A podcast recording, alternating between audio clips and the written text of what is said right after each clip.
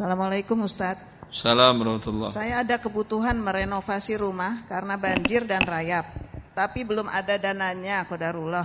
Mohon petunjuknya Ustadz, jika saya mengajukan akad ke bank tapi nggak mau riba. Kalau pinjam ke bank tidak mungkin nggak pakai riba. Nilainya pasti bertambah. Jika akadnya saya jual rumah ke bank, lalu saya beli lagi secara kredit ke bank tersebut, bagaimana? Jadi ada dua kali akad Ustadz. Ini pertanyaannya bagus karena sama persis dengan kaidah yang kita jelaskan dalam mazhab Syafi'i tadi. Apa nama akadnya ini? Hah? Aina halal atau haram? Halal atau haram? Halal atau haram? Lah kan mazhab Syafi'i membolehkan. Hah? Madhab Syafi'i membolehkan tadi apa? Kalau tidak ada kesepakatan dari awal atau tidak direkayasa. Kalau produk sebuah lembaga keuangan bisa tanpa direkayasa? Hah? Tentu tidak namanya produk lembaga keuangan pasti direkayasa dari awal. Kata bank, kami beli rumahmu tunai. Lalu kau dapat uang. Ya atau tidak? Kalau dapat uang terus ngapain ada renovasi rumah bank? Bank tentu terima kasih banyak kepada anda Sudah anda jual ke dia dapat uang pembelian lalu anda renovasi rumah dia Ya, anggaplah anda pun renovasi berbuat baik sedekah ke bank. Kemudian anda katakan saya renovasi dengan syarat saya beli lagi dari anda dengan cara tidak tunai, saya nyicil. Ya, Sebagian uang secara renovasi saya bayarkan untuk cicilan pertama. Jelas? Ini apa namanya? Ina. Direkayasa atau tidak? Pasti direkayasa. Berarti Syafi'i menghalalkan atau mengharamkan? Mengharamkan. Solusinya seperti yang tadi Anda jual putus, kemudian beli rumah yang lain. Itu solusinya. Kalau Anda masih keberatan jual rumah, ya, ke lembaga keuangan mungkin repot, ke pribadi mungkin bisa. Anda carilah teman-teman kontraktor atau developer yang punya modal kuat, atau Anda beli tidak tunai material-material bisa kerja, bisa kerja buatnya bisa enggak? Masangnya bisa enggak?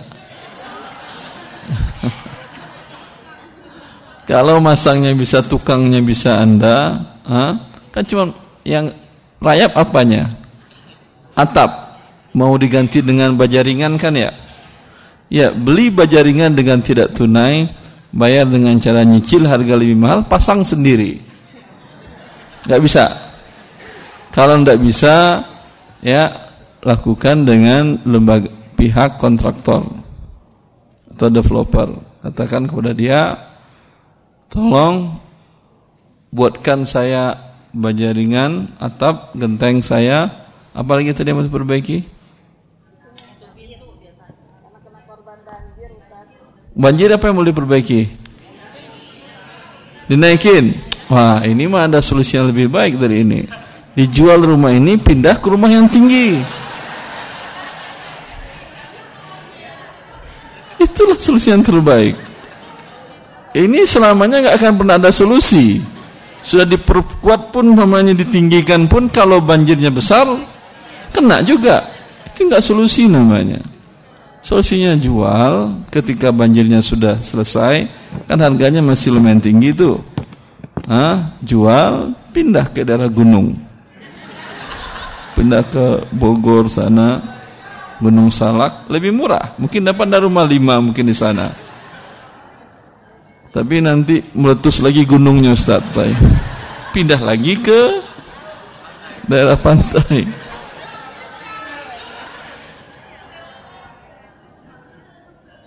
Anda kenapa marah? Allah menciptakan makhluknya seperti burung. Ada jenis burung yang dinamakan dengan tuyur muhajirah. Tuyur muhajirah itu burung yang suka hijrah. musim panas di utara burung dari selatan Antartika eh, selatan Antartika namanya itu mereka terbang hijrah ke utara di utara masuk musim dingin musim panas di selatan mereka hijrah ke selatan itu mereka tinggal di mana buat rumah atau tidak mereka burung nggak punya rumah berarti anda nggak tahu burung Ada jenis burung namakan apa nama burung? Dia membuat rumahnya dengan satu persatu di kayu dirapiin, dirapatin. Digantung malah di pohon. Ya. Itu malah ular pun nggak bisa masuk ke dalam sarangnya. Tergantung. Subhanallah. Dan biasanya burung itu membuat sarangnya di atas pohon tadi, di bawahnya biasanya ada hewan berbisa seperti ular segala macam. Sehingga ada pepatah, kalau tidak ada berada, tak mungkin tempuh bersang rendah. Pernah dengar? Berarti buatan saya itu pepatah Anda pernah dengar. Artinya, kalau ada Anda lihat sarang burung yang terbuat dari tempuah yang panjang itu yang jalinan dari jeramis dan rumput-rumput rendah, jangan dekati. Jangan Anda ambil sarang itu. Pasti di sekitarnya ada hewan berbisa. Ular, ya, dan lain-lain. Biasanya kan dia tinggi. Ya, kalau dia rendah biasanya dia berbisa. Sudah ada satpamnya dia. Ya. Masa kita kalah Anda dengan burung tadi? Subhanallah. Jelas. Wallah ta'ala alam. Pertanyaan kelima Ustaz. Bismillah.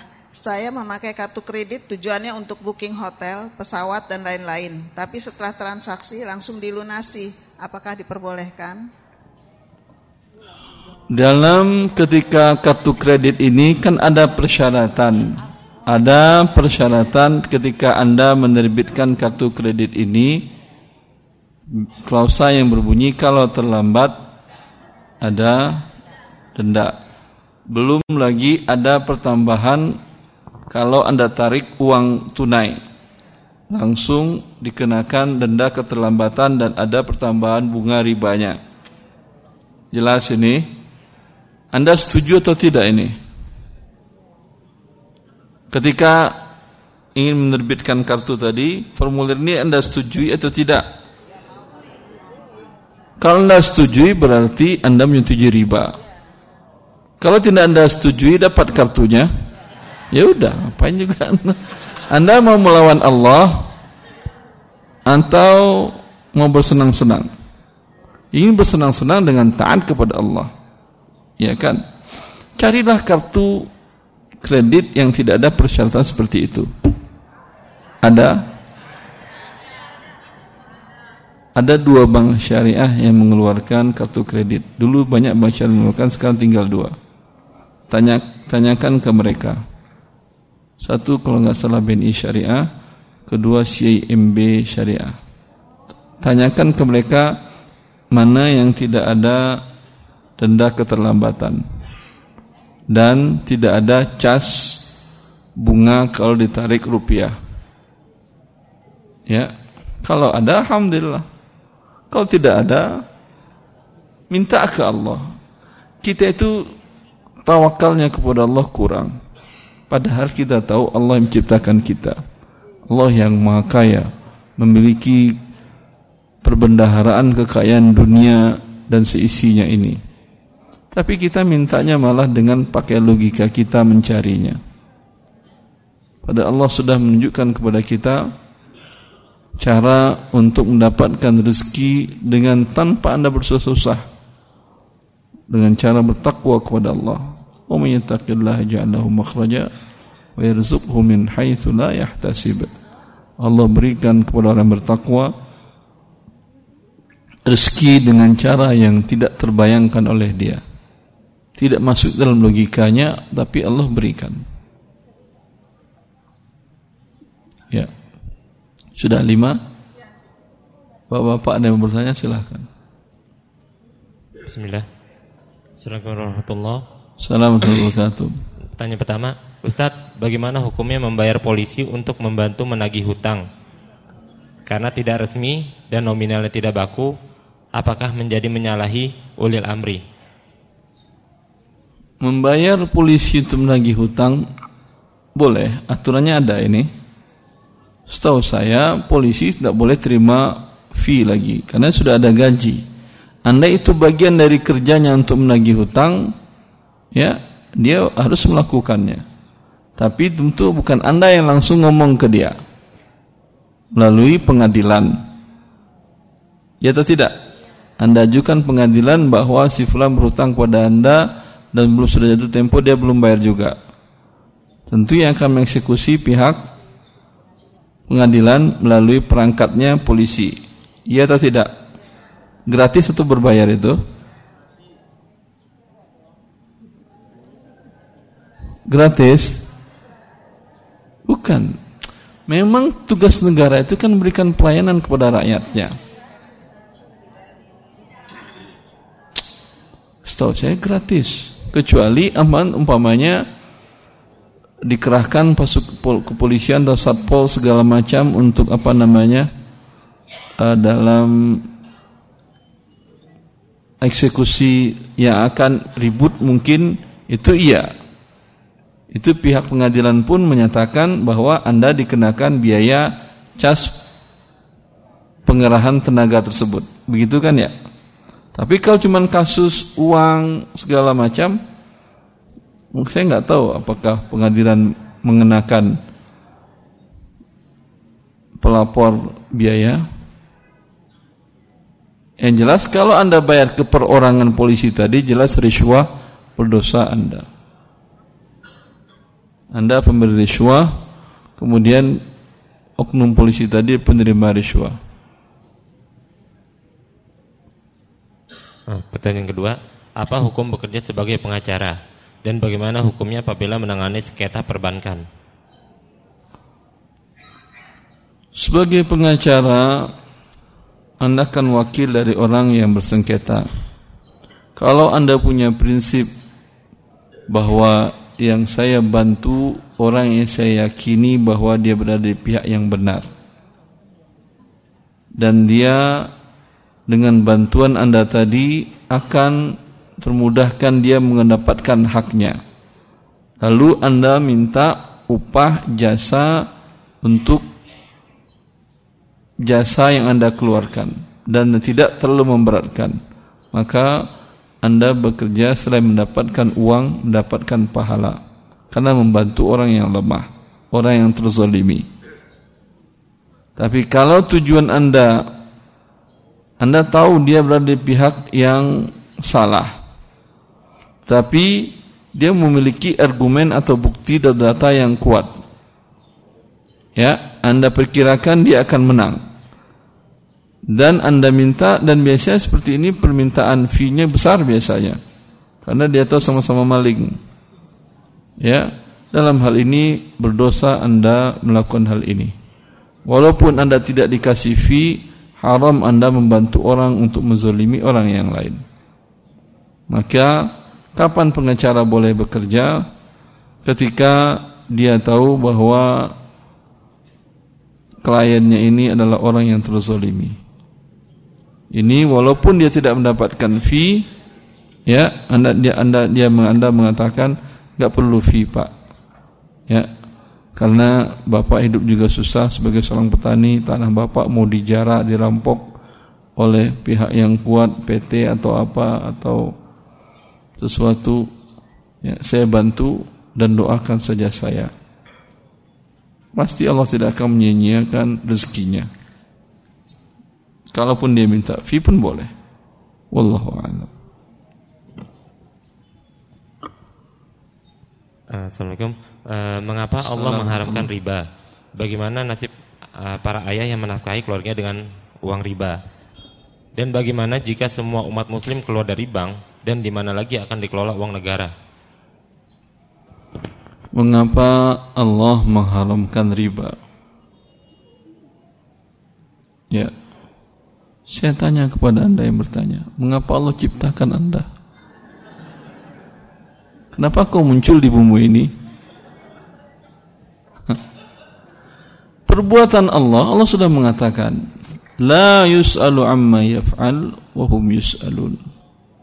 Perbuatan Allah, Allah melarang, Allah memerintahkan, Allah memberikan musibah, Allah berikan kebahagiaan dan segala macam itu perbuatan Allah.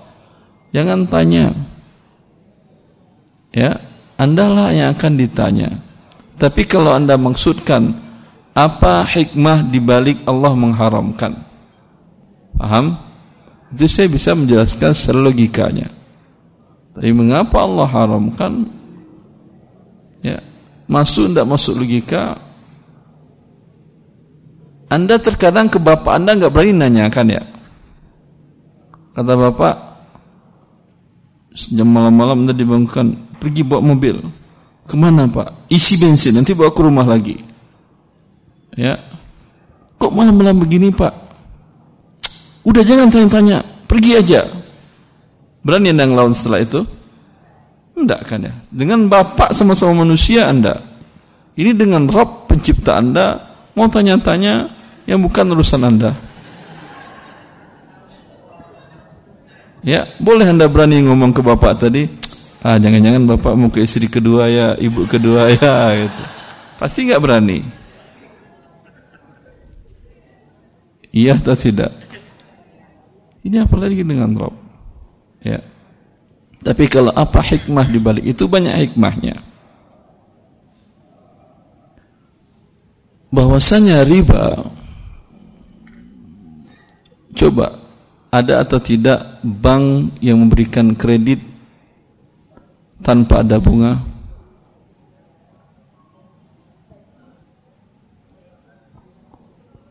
Atau anda nabung di bank tanpa ada bunga? Di mana?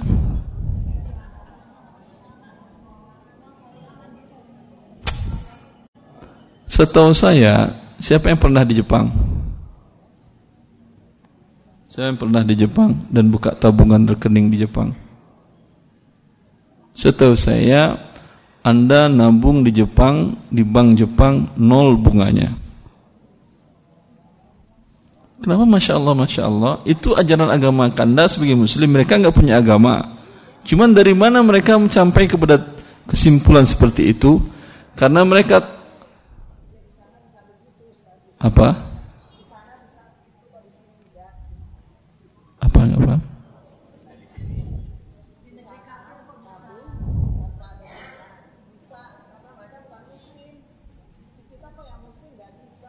Karena Anda banyak iblisnya.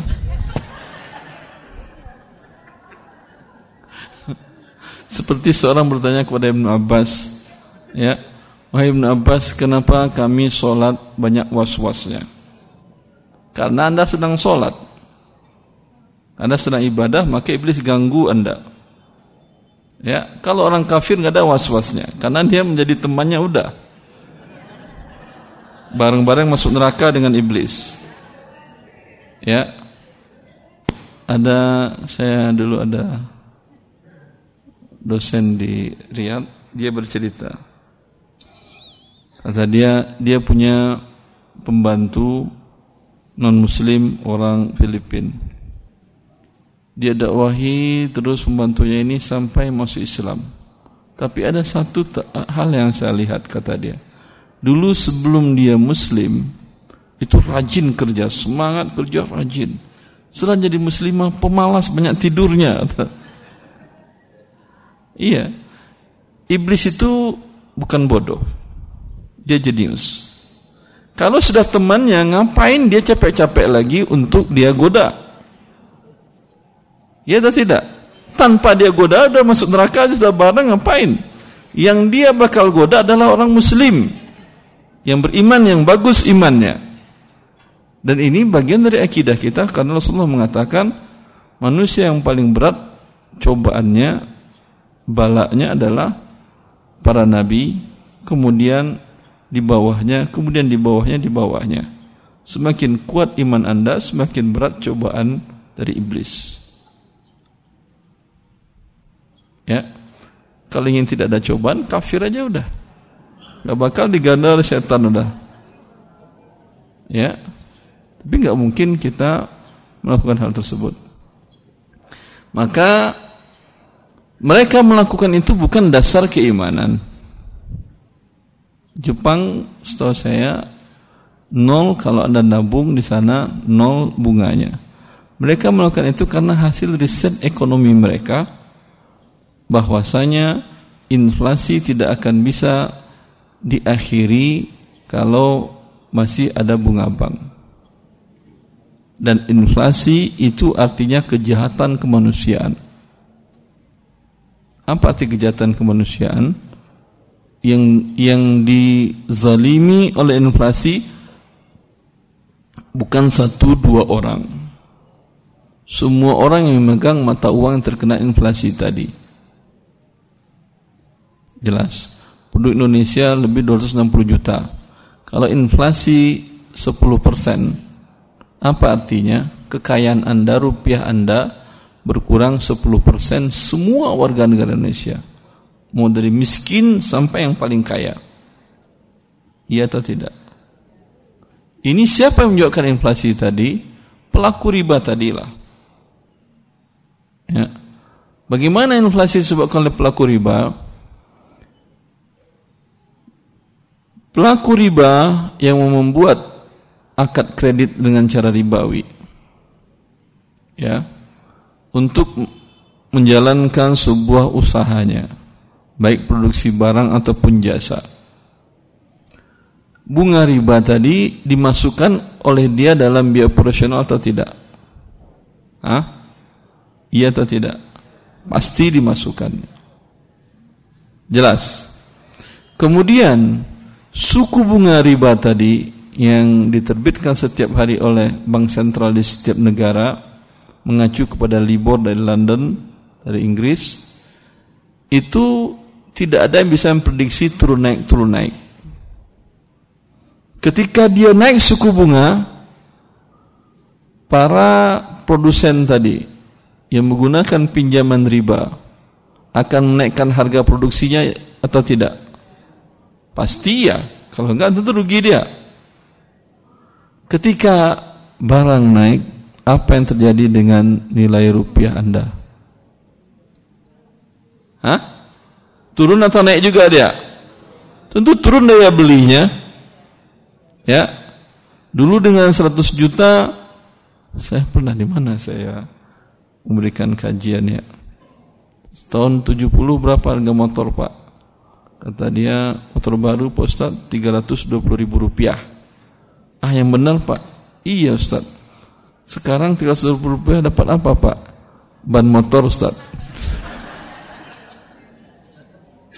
Nominalnya tidak berubah, tetapi daya belinya yang berubah. Penyebabnya apa ini? Inflasi riba tadi. Jelas Anda, perbuatan riba Anda tadi menzolimi kan berkurang 100% kekayaan manusia. 260 juta orang Anda zolimi. Paham hikmahnya Allah mengharamkan riba? Dan Anda pasti tidak akan berani melawan orang ini. Karena kalau maling atau perampok, sekeren-kerennya perampok, masih bisa dihadapi oleh manusia. Tapi pelaku riba ini tidak ada yang bisa menghadapinya. Maka karena itu Allah lah yang langsung mengumumkan perang. Allah yang hanya bisa melawan mereka fa illam taf'alu fa'dhanu biharbin minallahi wa rasulih kalau kalian tidak berhenti dari berbuat riba berarti kalian mengumumkan perang melawan Allah dan Rasulnya siap-siaplah anda para pelaku riba ya apa yang anda siapkan siapkan senjata terkuat anda nuklir beli karena melawan Allah berguna nuklir melawan Allah? Anda tahu besarnya. Nuklir hanya bisa menghancurkan apa? Bumi ini semuanya hancur atau tidak? Padahal bumi Anda ini, bumi Anda, bumi kita ini, ya, yang kita hidup di atasnya ini, ya, dibandingkan dengan kursi Allah wasi'a kursiyus samawati wal kursi Allah lebih luas daripada bumi dan langit. Langit tahu anda ujungnya berapa besar luasnya? Itu kursi Allah lebih besar kursi itu apa dalam bahasa Arab ini tempat pijakan kaki ya pijakan kaki duduk diri di itu Hah? supaya nggak gantung itu namanya kursi. Jelas? Nuklir Anda tidak bisa menghancurkan langit dan bumi seluruhnya. Ya. Lalu senjata apa yang mau Anda persiapkan? Kalau tahu Anda lemah, yang lemah, lihat anak bayi lebih cerdas dari kita.